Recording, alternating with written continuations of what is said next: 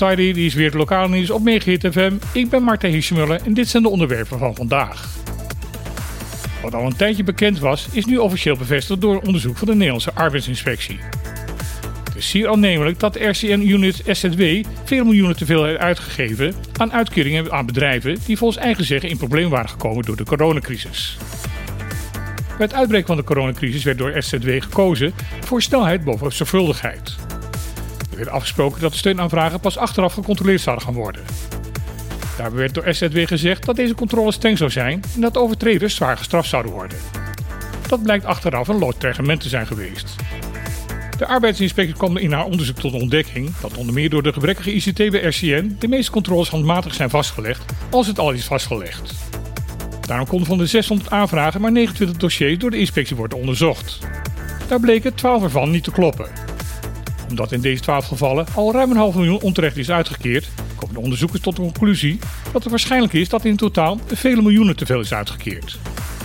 In deze kwestie heeft de directie van SZW wel op één arbeidsplaats.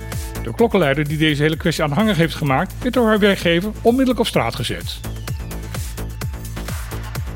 Het web zal de komende maanden een uitgebreide inventarisatie doen van haar gehele infrastructuur voor water, riolering en elektra. Het bedrijf wil overzicht krijgen over alle onderdelen die deel uitmaken van deze infrastructuur, waarbij de onderdelen zich bevinden en in welke staat ze zijn. Van alle onderdelen zullen foto's gemaakt worden die door speciale software zal worden geanalyseerd en gecatalogiseerd. Op deze manier kan het web betere informatie geven aan bijvoorbeeld aannemers die op een bepaalde plek willen gaan bouwen. Daarnaast kan aan de hand van de verkregen gegevens beter preventief onderhoud en vervanging ingepland gaan worden. Het web zegt in haar persbericht dat ze de kwaliteit van haar dienstverlening verder wil gaan vergroten. De inventarisatie zal volgens het bedrijf daar zeker aan bijdragen.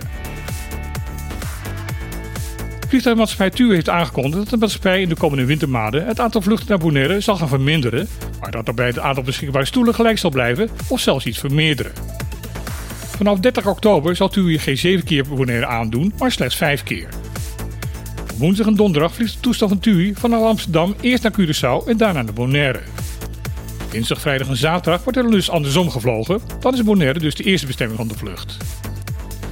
Hierdoor wordt het weer mogelijk om met wat extra planning, zowel van als naar Bonaire, een rechtstreekse verbinding met Amsterdam te boeken. Hoe hierdoor het aantal beschikbare stoelen kan worden vergroot, maakt u in een bekendmaking verder niet duidelijk.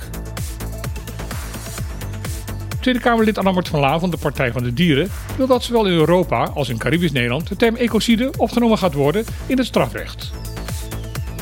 Hij heeft daarvoor een initiatiefwetsvoorstel ingediend om daarvoor de wetboeken van strafrecht in Europees Nederland en de BES aan te passen. Van Raan wil in zijn voorstel ernstige aantasting van het milieu door schade toebrengend handelen of nalaten strafbaar maken tot een maximale gevangenisstraf van 15 jaar. Hij heeft ook in zijn initiatiefwet opgenomen dat Nederlanders die buiten de landsgrenzen ecocide plegen, toch in Caribisch of Europees Nederland veroordeeld kunnen gaan worden. Het wetsvoorstel is vandaag in internetconsultatie gegeven. Na deze inspraakronde zal het naar de Raad van State worden gestuurd voor advies en daarna naar de Tweede Kamer. Dit was weer het lokale nieuws van vandaag op Megahit FM. Ik wens iedereen vandaag nog een ecologische dag toe en dan heel graag weer. Tot morgen.